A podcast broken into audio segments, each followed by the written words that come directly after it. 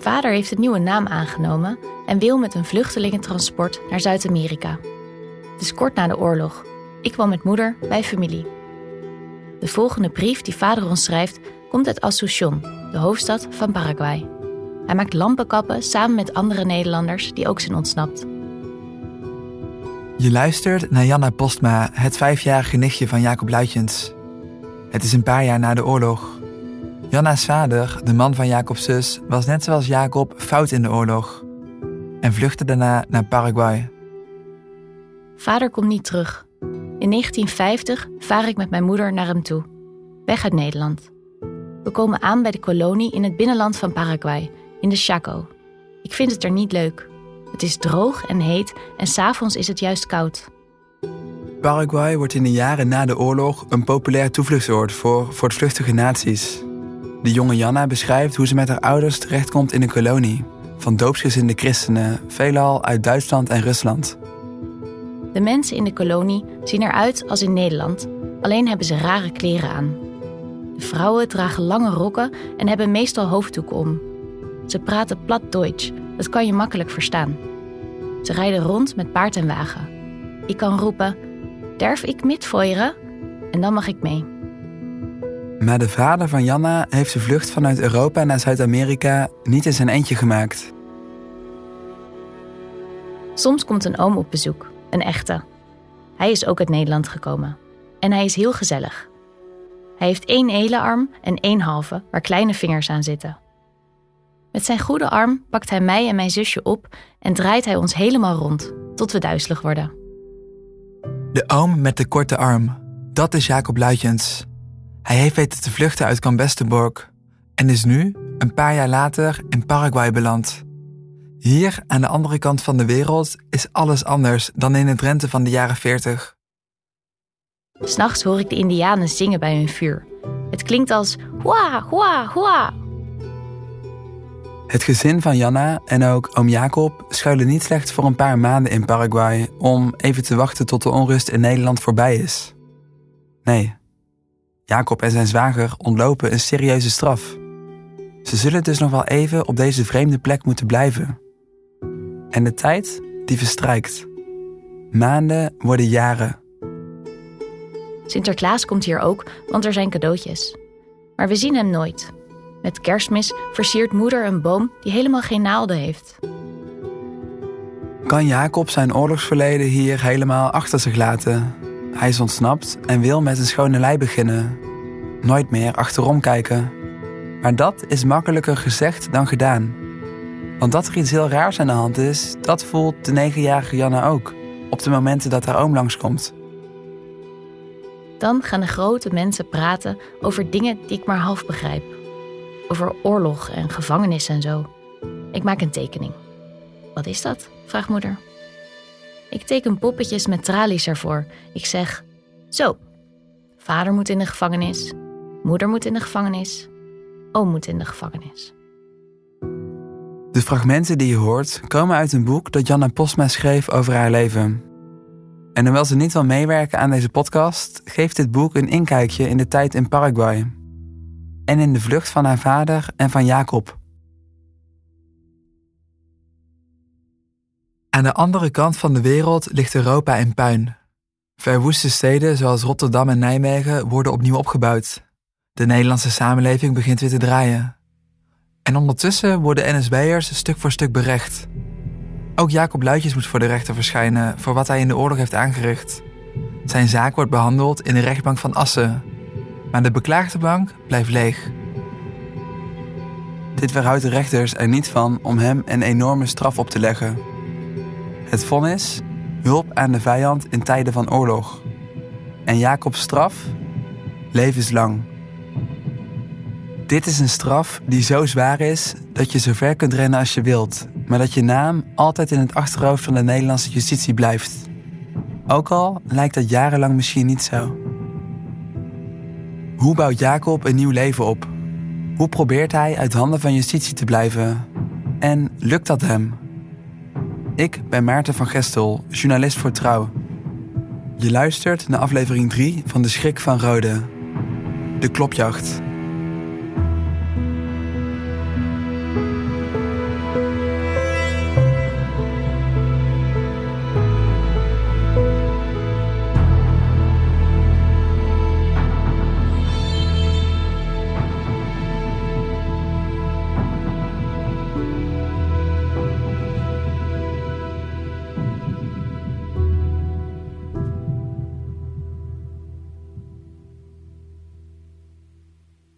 Dit zou een foto kunnen zijn uit uw fotoalbum.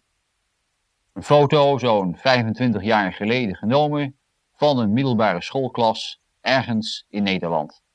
Het zijn echter leerlingen van een middelbare school hier ver vandaan in het binnenland van Zuid-Amerika. Om precies te zijn, kolonie Neuland, Gran Chaco, Paraguay. Je hoort een fragment uit een oud-Nederlands televisieprogramma over religieuze kolonies in Paraguay. De presentator laat een klassenfoto zien met erop alleen maar witte kinderen. Het merkwaardige is dat deze leerlingen, zeker voor de helft, zuiver Nederlandse namen dragen. En thuis een taal spreken, het zogenaamde platduits, dat sterk lijkt op het Nederlands ten plattelanden. Jacob wist na de oorlog dus te vluchten naar zo'n Zuid-Amerikaanse kolonie met christenen. Ik heb nog nooit over deze plekken gehoord, maar ik vind iemand die er zelf opgroeide. De 81-jarige Helmoet Isaac. Uh, it is a dry climate. It's hot, but because it's so dry, it's very difficult to make a living, even as farmers. Ik praat met Helmoet via Zoom. Hij zit in een verpleeghuis aan de andere kant van de wereld. De reden dat ik met Helmoet praat, is dat hij een middelbare scholier geweest moet zijn in de periode dat Jacob ineens kwam opdagen. En ik vraag Helmoet of hij zich hier iets van kan herinneren. During that time in my third year, here is now a new teacher and he has a heavy Dutch accent. De jonge Helmoet krijgt dus plots een nieuwe docent natuurkunde. Eentje die Duits spreekt, met een heel zwaar accent. Een Nederlands accent. He was tall, he was slender, he had one misformed hand. Een lange, slanke man met een misvormde arm. Oftewel Jacob Luitjens. Een paar jaar eerder bracht hij als landwachter nog dorpsgenoten naar een villa waar gemarteld werd. Die dorpsgenoten omschreven hem als autoritair en gevaarlijk. En nu staat hij hier gewoon voor de klas. Wat weet Helmoet nog meer van zijn nieuwe docent? He was never aggressive. He was never authoritarian. He had an incredible patience. Volgens Helmoet is Jacob een docent met een oneindig geduld. Een leraar die niet boos te krijgen is, zelfs niet als de leerlingen daarop uit zijn. Dit verbaast me. Het lijkt wel alsof Jacob een soort transformatie heeft doorgemaakt. Van keiharde NSB'er naar een lieve docent. Maar één vraag laat me niet los terwijl ik naar Helmoets jeugdherinneringen luister. Hoe kan een crimineel zomaar de overtocht maken naar Paraguay en daar lesgeven alsof er niets aan de hand is? In een tijd dat nazi's juist worden aangepakt. Ik neem je even mee naar de kolonie Fernheim in het binnenland van Paraguay. Het is 1943. We zijn in het dorpshuis. En aan de muur hangt een foto van iemand die je misschien niet verwacht. Van Adolf Hitler. En dit is niet het enige vreemde. Buiten legt iemand een bloementuin aan, in de vorm van een hakenkruis.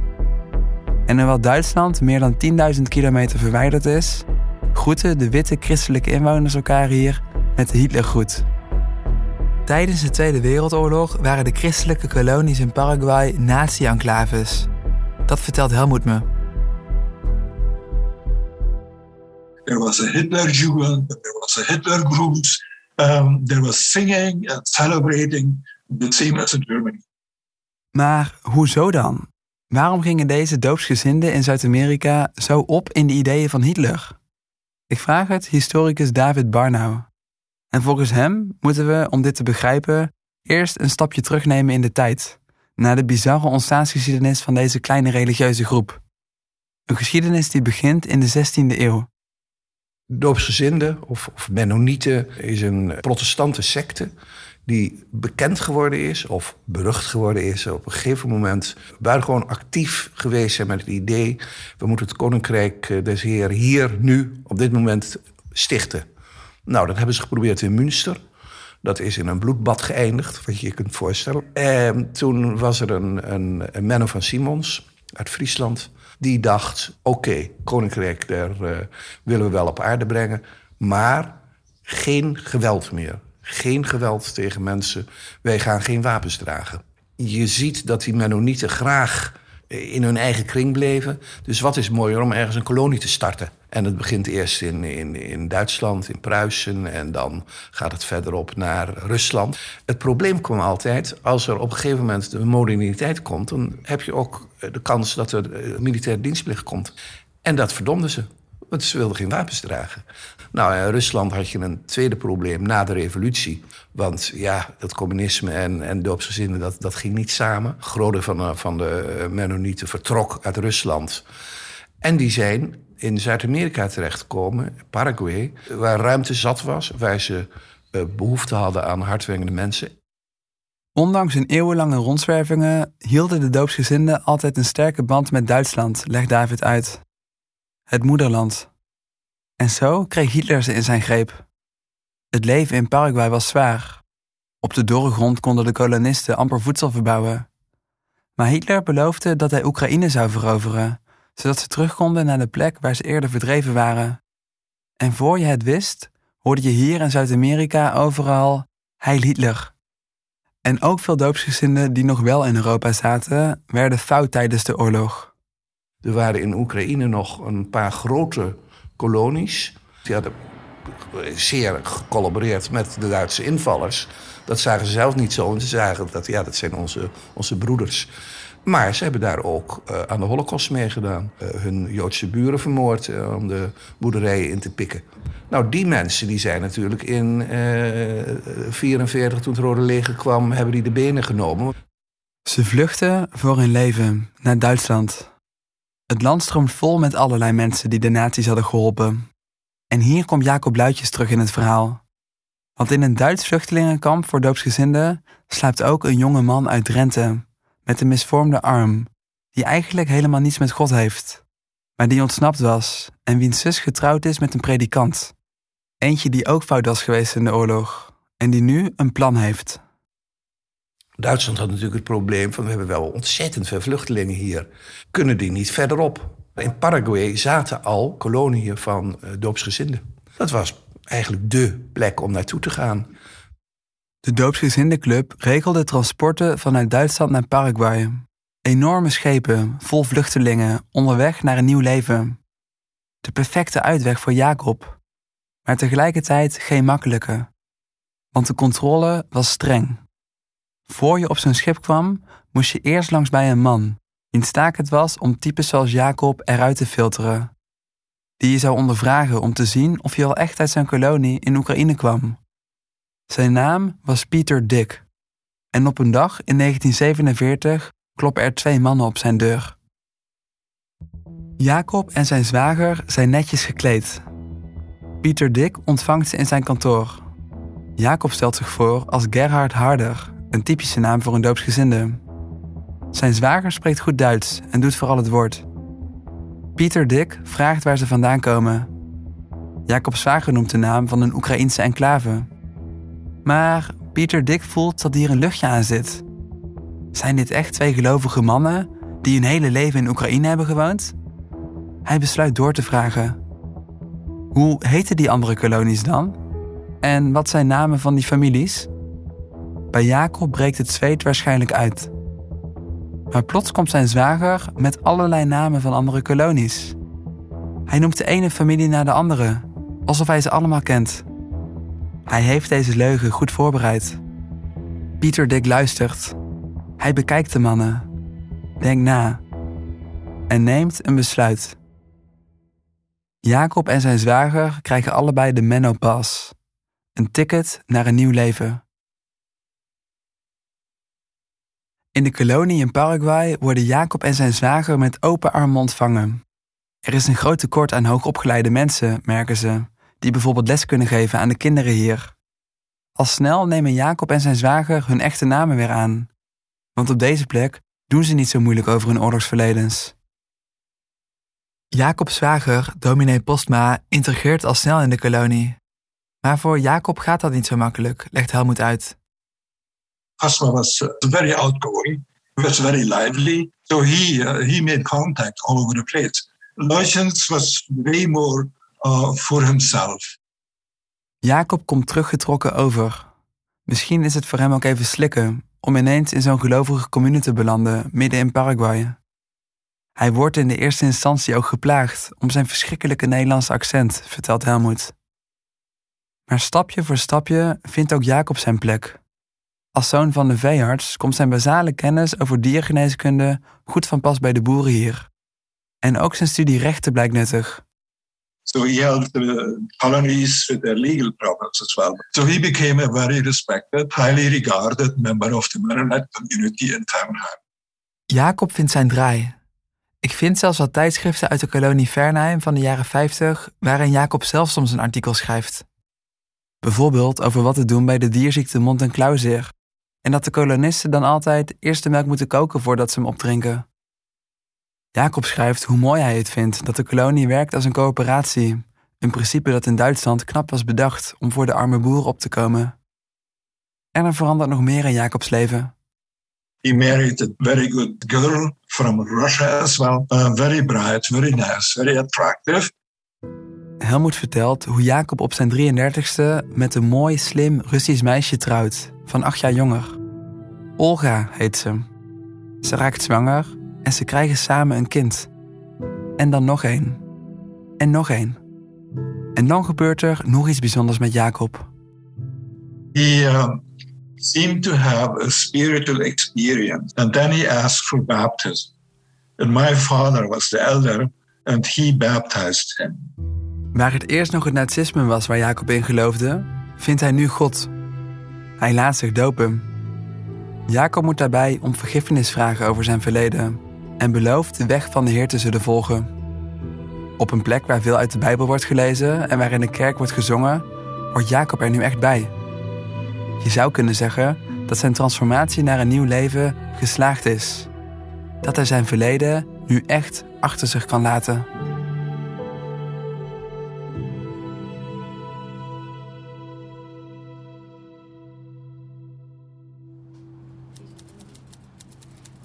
Op een kleine krantenredactie in Assen zit journalist Sjoerd Post driftig te rammen op een typemachine. Net als collega's is hij ondertussen flink aan het roken. Het jaar is 1981, een tijd waarin op kantoren in Nederland nog een dikke tabakswolk hangt. Net zoals de meeste Nederlanders heeft Sjoerd nog nooit van de dan al decennia spoorloze Jacob Luitjens gehoord. Maar Sjoerd houdt zich wel bezig met een nieuw, vrij extreem verschijnsel uit die tijd. Een stel oude mannen die opereert onder de naam de Groninger Groep. Nou, dat waren oud-verzetslieden en die wisten dat er in Duitsland nog altijd figuren rondliepen die fout waren geweest in de oorlog in Nederland en waarvan ze vonden dat ze alsnog gestraft moesten worden. Je hoort Sjoerd Post, inmiddels gepensioneerd journalist.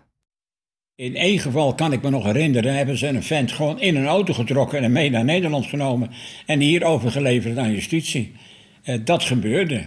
Nou, ik schreef daar veel over. Ik heb een bijzondere interesse voor de Tweede Wereldoorlog. Sjoerd schrijft over spoorloos verdwenen NSB'ers en de mensen die achter hen aanzitten. En op een dag rinkelt op zijn bureau in Assen de telefoon. Hij pakt de hoorn van de haak en hoort aan de lijn een oude mannenstem. Iemand die zegt dat hij een tip heeft. En toen hebben we een afspraak gemaakt in een café in Rolde. En ik ben er naartoe gegaan en ik ontmoette daar een man waarvan ik nog steeds niet weet hoe die heet. Eind zestiger, schatte ik toen in die periode. Een iets wat grijs figuur, maar vol felheid als hij het over dit soort kerels had. Het was een man die anoniem wilde blijven en die zei: Ik heb bij de politieke opsporingsdienst gewerkt. En ik heb heel veel foute figuren na de oorlog kunnen oppikken. Maar één ben ik nog altijd kwijtgeraakt en dat is een meneer Jacob Luitjes. Die vent die is zo fout geweest, die moet opgepakt kunnen worden.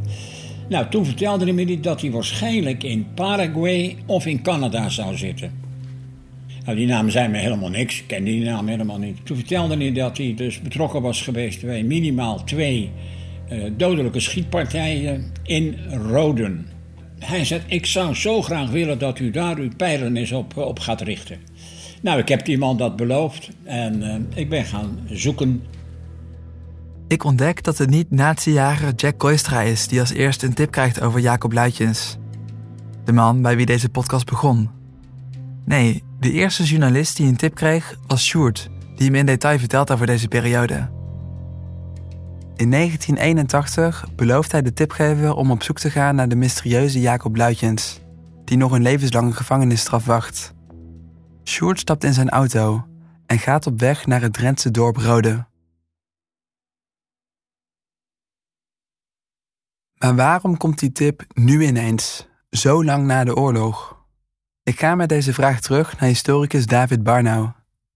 Hij legt uit dat het sentiment in de maatschappij over de oorlog en over NSB'ers juist rond 1980 verandert.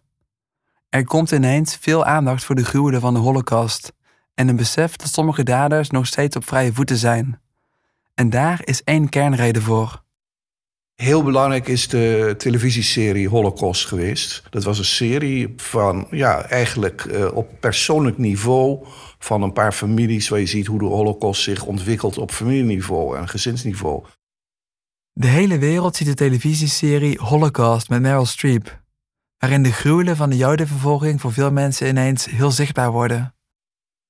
You have 10 minutes to pack a bag and come with us. What has he done? Why are you taking him? Routine questioning. No, no, no. What is his crime? What has he done? Who knows? I follow orders. Die heeft overal over de wereld gedraaid en heeft ontzettende indruk gemaakt. En je kan zeggen dat de oorlog een beetje vernauwd wordt tot de holocaust. Want de oorlog is natuurlijk veel meer dan de holocaust. Maar juist door die holocaust kom je erachter. Er zijn miljoenen mensen vermoord. En de daders, het zijn er niet twee of drie. Dus uit die hoofden komt er meer belangstelling voor. Het denken over de oorlog verandert. Waar Nederlanders eerst vooral dachten aan de bezetting en het verzet, komt de focus nu te liggen op de Jodenvervolging. Een van de gruwelijkste gebeurtenissen van de eeuw. Hoe kan het dat sommige daders of medeplichtigen nog steeds rondlopen, vragen Nederlanders zich steeds meer af.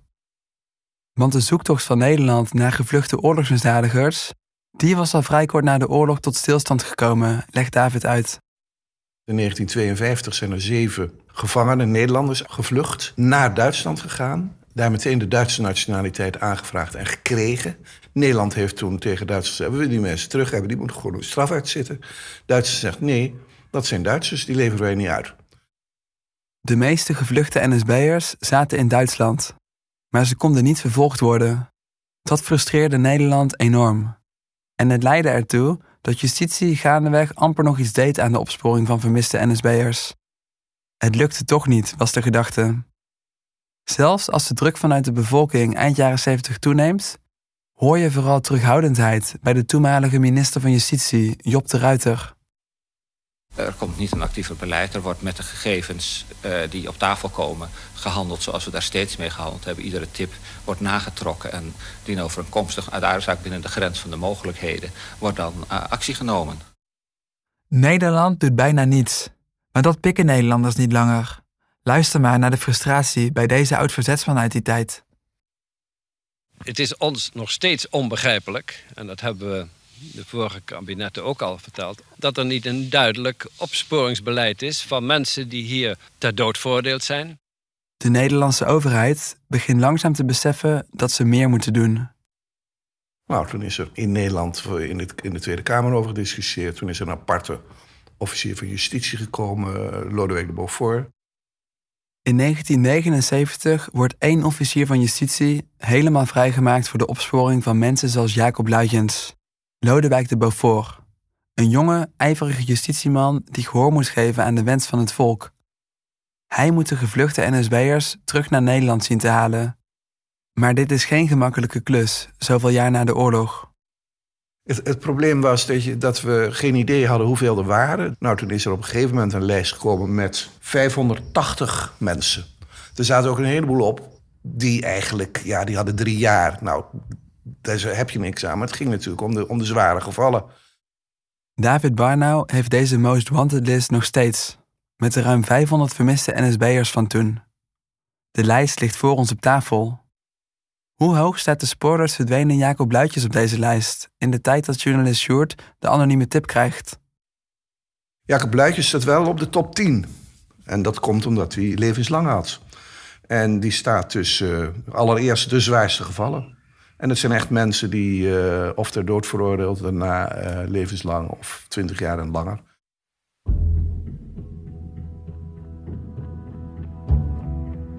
Sjoerd rijdt naar Rode toe.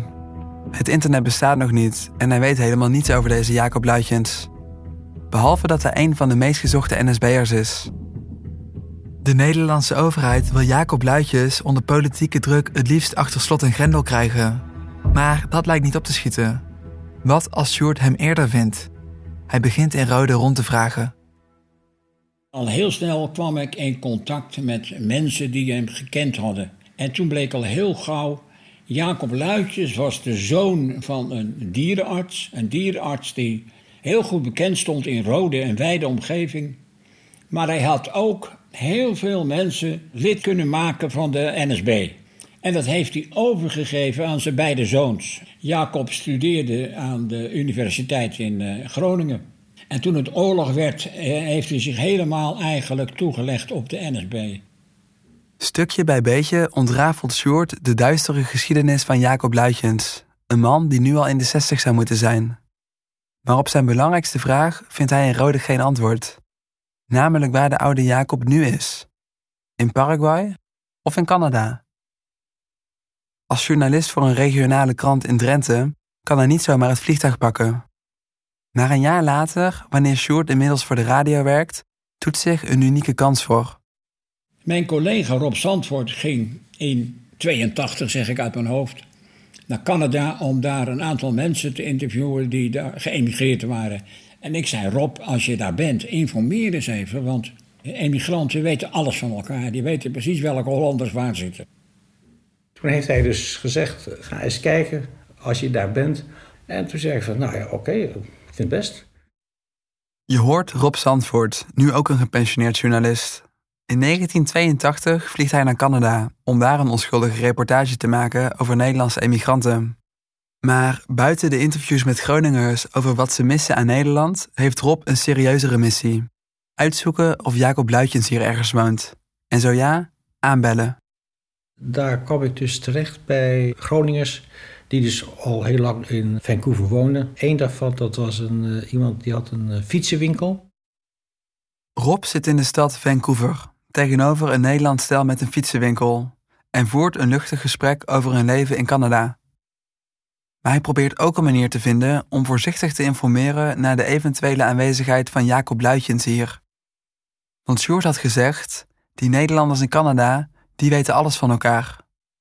Maar ik zat steeds met het probleem van hoe kom ik nou te weten of zij iets over uh, Jacob Luiken zouden weten? Zou dat al ergens daar bekend zijn? Hè? Of ze het wel eens in een krant hadden gelezen enzovoort. Maar dat was dus niet zo. De mensen van de fietsenwinkel weten niets over een oud NSB'er in dit land. Rob denkt na over een andere mogelijkheid om toch nog iets te weten te kunnen komen en krijgt dan een idee. Een idee dat eigenlijk te simpel is om te lukken. Maar ik wil het weten. Ik zeg, mag ik jouw telefoonboek? En toen uh, zag ik dus uh, in het telefoonboek luidjes staan met adres. Ik denk, dat kan niet waar zijn. Dat is makkelijk. Het kan niet waar zijn, denkt Rob. Precies in de Canadese stad waar hij nu toevallig op reportage is, over een fietsenwinkel notabene, blijkt ook een J. Luitjens te wonen. En hoewel Jacob een van de meest gezochte criminelen is waar de Nederlandse justitie op jaagt, zit Rob hier gewoon naar een adres te kijken. Hier in Vancouver.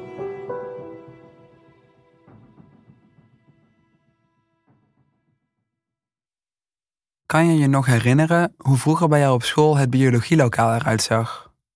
Beeld je eens een les daarin. Een les waarin je probeert uit te vogelen hoe de microscoop werkt. Een les waarin de docent langs de tafels gaat om leerlingen te helpen. De docent in dit lokaal is een man van ongeveer 60 jaar. Geduldig, kalm, vriendelijk. Een man wiens ene arm korter is dan de andere en met een misvormde hand. Zijn naam? We just called him Jake. I didn't even know how to pronounce his last name. He was just Jake. Je hoort Ian Jube, een Canadese man die rond 1980 studeerde aan de Universiteit van British Columbia in de stad Vancouver. Eén docent kan Ian zich nog goed herinneren. He was just the uh, person who instructed or helped the students get their labs done. He was very, very soft spoken, but approachable, always approachable, always willing to help, but never abrupt or rude, uh, never raised his voice. Everybody wanted to be in the lab that uh, was uh, supervised or overseen by, by Jake. In de tijd dat journalist Rob op het punt staat om de oud-NSB'er te confronteren, leidt Jacob al jaren een onopvallend bestaan als labinstructeur op de universiteit. Hij is hier geliefd onder studenten, zegt Ian. Elke leerling wil les hebben in het lab dat Jacob overziet. Ik dacht dat Jacob in Paraguay zat en nu is hij een geliefd labinstructeur in Vancouver. Hoe kan dat? Helmoet weet meer.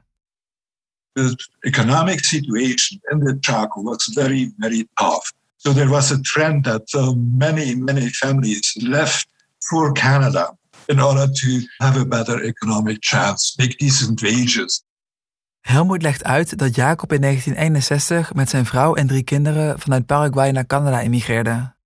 Canada was populair onder doopsgezinden. En waar kon een man zoals Jacob nou een beter leven voor zijn gezin opbouwen? In een afgesloten kolonie in het hete dorre binnenland van Paraguay of in een wereldstad zoals Vancouver. Maar ik snap iets niet. Hoe kon Jacob Canada binnenkomen met zijn verleden? De ouders van Jacobs vrouw woonden er al, ontdek ik. Dus met het argument van gezinshereniging konden ze emigreren. Jacob had inmiddels een Paraguayaans staatsburgerschap, dus aan de grens zouden er weinig vragen gesteld worden over zijn oorlogsverleden. Op het moment dat Jacob studenten zoals Ian helpt in het lab, woont hij al 20 jaar in Canada en is hij al in de 60. En Ian, die heeft alleen maar goede herinneringen aan hem. I discovered very early on that I could ask him just about anything and he always took the time to give me a, proper, uh, thoughtful uh, answer. And he, he was absolutely dedicated to making sure that anybody who asked him a question or needed his help actually got the help that, that you needed. Ian heeft geen idee van het verleden van Jacob, van de martelvilla, van de doden. Maar ondertussen wordt hij steeds closer met zijn labinstructeur. Als Ian een baantje krijgt als studentassistent, is het Jacob bij wie hij aanklopt voor advies. I remember us meeting in the lab where, you know, basically it was just me and Jake. There was no one else in the lab. And we would chat. He had taken on a kind of a mentor role. And I was just delighted to have uh, somebody showing so much uh, interest in me. Ian heeft geen idee van het verleden van Jacob, van de martelvilla, van de doden. Ondertussen wordt hij steeds closer met zijn labinstructeur. Als Ian een baantje krijgt als studentassistent, dan is het Jacob bij wie hij aanklopt voor advies. we talked about how I was going to function and what the actual lab entailed, what the professor wanted to accomplish, um, what kinds of questions students might have. We never talked about anything to do with uh, history. He never asked where I came from. I never asked where he came from. I recognized that he had an accent from somewhere. Um, I didn't know exactly where. Jake heeft een accent. Dat valt de studenten wel op. Maar gek is het niet. Op een universiteit zoals deze stikt het van de buitenlanders, vertelt Ian. In Vancouver komt iedereen wel ergens anders vandaan.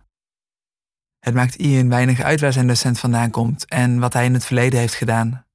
Maar andere mensen vinden die vraag wel belangrijk. Want hoewel Jacob hier een geliefd docent mag zijn, wacht hem in Nederland nog steeds een levenslange gevangenisstraf. En journalist Rob staat op het punt om Jacob met zijn verleden te confronteren. Ik wilde eerst een plan maken. Uh, hoe ga ik dat aanpakken? Punt 1. Welk moment? Welk moment is hij thuis? Zou hij nog werken of niet? Ik ben toen naar de zaterdag toe gegaan. Ik, dacht, ik moet gewoon op zaterdag moet ik daar komen. Tijdstip. Dan is hij meestal. Nou ja, allemaal dat soort dingen doe je van tevoren. Tijdens zijn week in Vancouver rijdt Rob alvast een paar keer langs het huis van Jacob. Het is een simpel, vrijstaand huis in een buitenwijk in Vancouver. Rob heeft de dag al uitgekozen waarop hij zal aanbellen. En hij heeft precies uitgedacht welke stappen hij dan zal nemen. Ik moest een foto hebben en het geluid. En de ontdekking. Dat zijn eigenlijk maar drie dingen. Nou, als je die drie dingen hebt, dan zit je goed.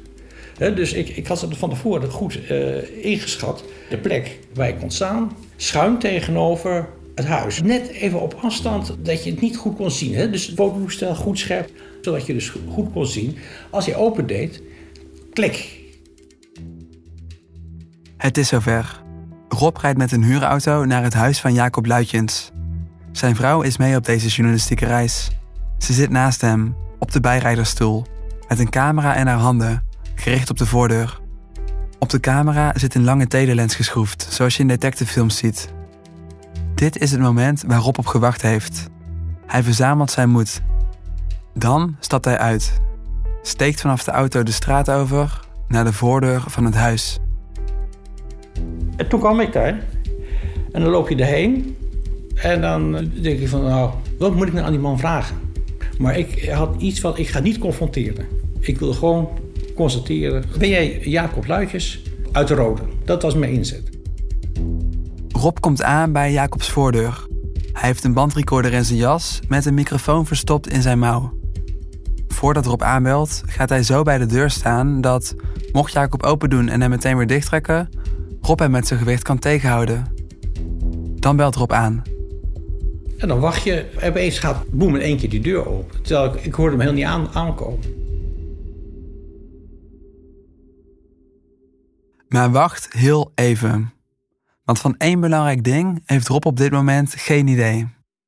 Namelijk dat hij door nu aan te bellen de hele operatie van de Nederlandse justitie om Jacob Luitjes te pakken om zeep kan helpen. Weet je nog dat Nederland op dit moment een officier van justitie heeft voor de opsporing van oud-NSB'ers? Lodewijk de Beaufort? En dat Jacob in zijn top 10 staat? Het lijkt er nu misschien op dat hij achter de feiten aanloopt. Maar dat klopt niet. Die zaken, daar zijn wij al heel lang mee bezig.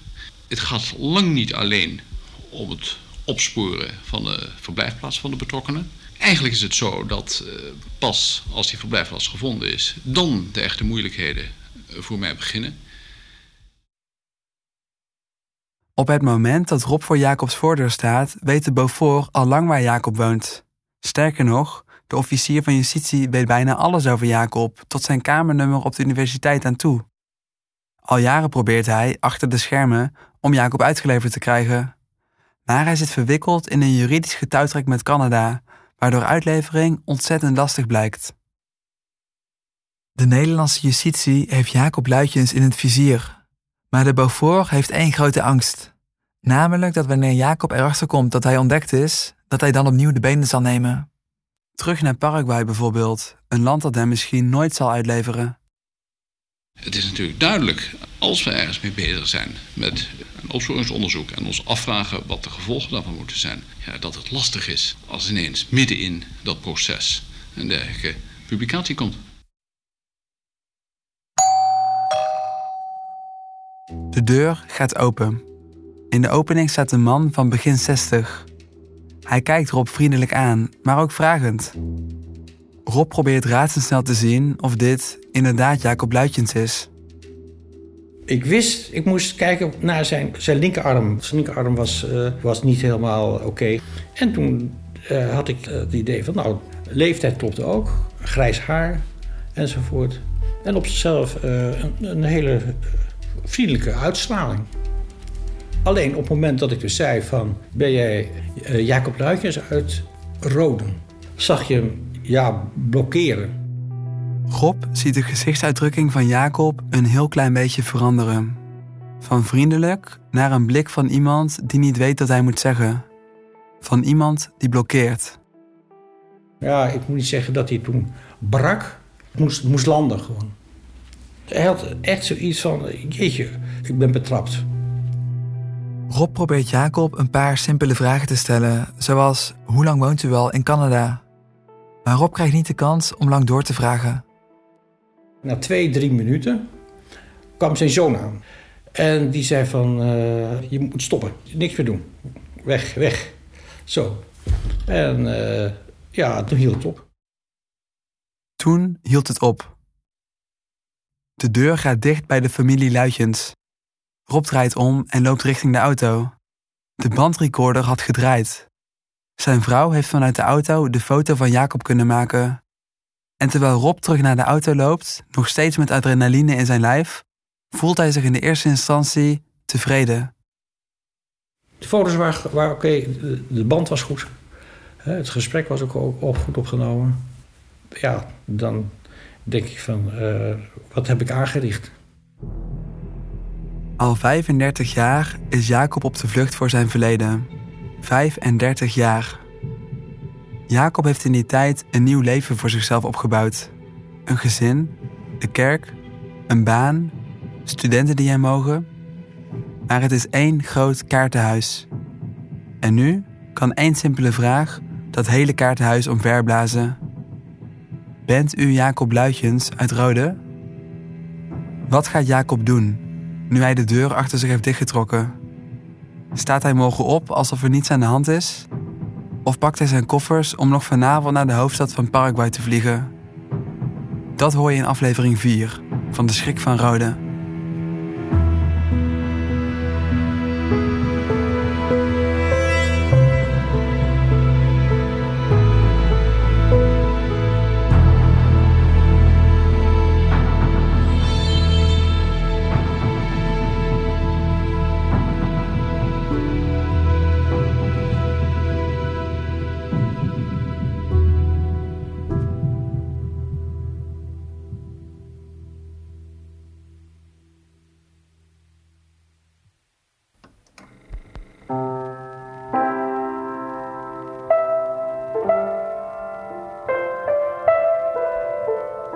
Deze podcast wordt gemaakt door Maarten van Gestel.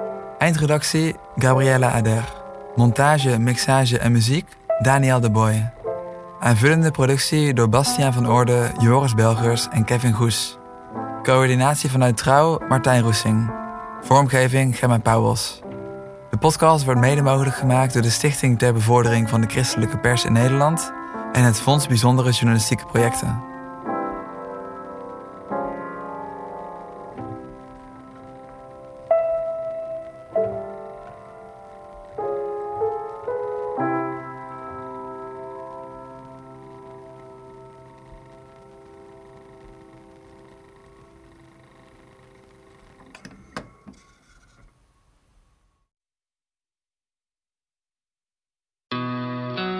Wanted. Wanted, Domine. Blijf Domine verschuren 100 uur lang uit de handen van Bram Krikken? Voorspel en maak kans op 10.000 euro. Volg het vanaf 13 mei bij Q-Music.